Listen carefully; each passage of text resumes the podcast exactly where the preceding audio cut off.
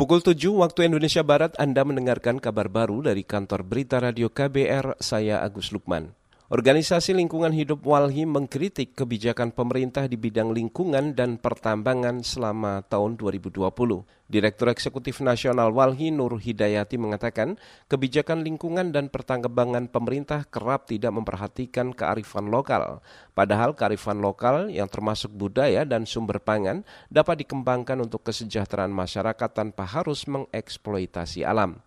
Nur Hidayati mengingatkan pemerintah agar memiliki paradigma baru pertambangan untuk menghindari semakin rusaknya potensi dan sumber daya milik masyarakat lokal bukan hanya bicara sekedar model ekonomi, apalagi kalau kita bicara pertambangan itu ada istilahnya itu model ekonomi boom and bust gitu ya. Jadi untuk sementara dia akan booming gitu seolah-olah menghasilkan sesuatu uh, secara finansial, tetapi habis 10 20 tahun setelah uh, barang tambangnya itu habis, biji mineral sudah habis, uh, batu gamping sudah habis, apa yang akan ditinggalkan? Yang akan ditinggalkan tinggal tanah-tanah yang beracun, masyarakat yang akan kembali menjadi miskin itu tadi Direktur Eksekutif Nasional Walhi Nur Hidayati.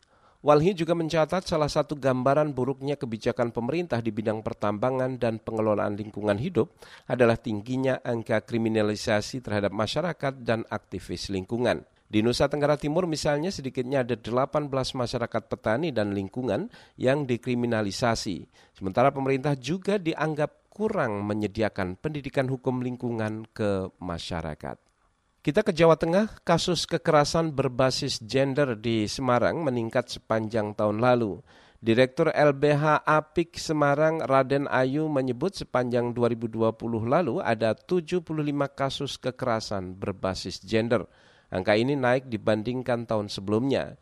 Dari jumlah itu, 50-an kasus di antaranya sudah diselesaikan secara hukum kerasa berbasis gender yang terjadi selama pandemi COVID-19 di LBH Apik Semarang, kami menerima kasus 75 totalnya. Untuk kasus di tahun 2019, kami menerima 73 kasus dan ini artinya ada peningkatan terkait dengan kasus yang kami terima setelah pandemi COVID-19 untuk rata-rata korban di usia rentang 18 sampai 25 Direktur LBH Apik Semarang Raden Ayu mengatakan kasus kekerasan terhadap perempuan saat pandemi COVID-19 paling banyak adalah kekerasan dalam rumah tangga atau KDRT, kekerasan berbasis gender online, dan kekerasan seksual pada anak.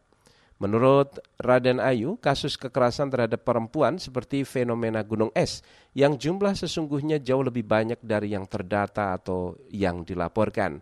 Tingginya kasus kekerasan terhadap perempuan salah satunya disebabkan karena lemahnya undang-undang dalam melindungi perempuan korban kekerasan. Kita ke mancanegara. Program vaksinasi COVID-19 di Amerika Serikat selama Desember lalu hanya berhasil menyasar pada 2,8 juta orang. Angka itu jauh dari target pemerintah yang semula menyasar 20 juta orang selama Desember 2020. Mengutip Reuters, Amerika Serikat sejauh ini juga hanya mendistribusikan 14 juta dosis vaksin buatan Pfizer dan Moderna ke berbagai negara bagian. Padahal pada awal Desember lalu pemerintah Amerika Serikat sudah menargetkan untuk mendistribusikan 40 juta dosis vaksin yang cukup untuk vaksinasi dua kali kepada 20 juta warga. Sementara itu Presiden Amerika Serikat Donald Trump melalui Twitternya menyatakan pemerintah sudah membagikan vaksin ke semua negara bagian dan ia meminta agar pemerintah negara bagian bergerak cepat melakukan program vaksinasi. Demikian kabar baru dari KBR, saya Agus Lukman.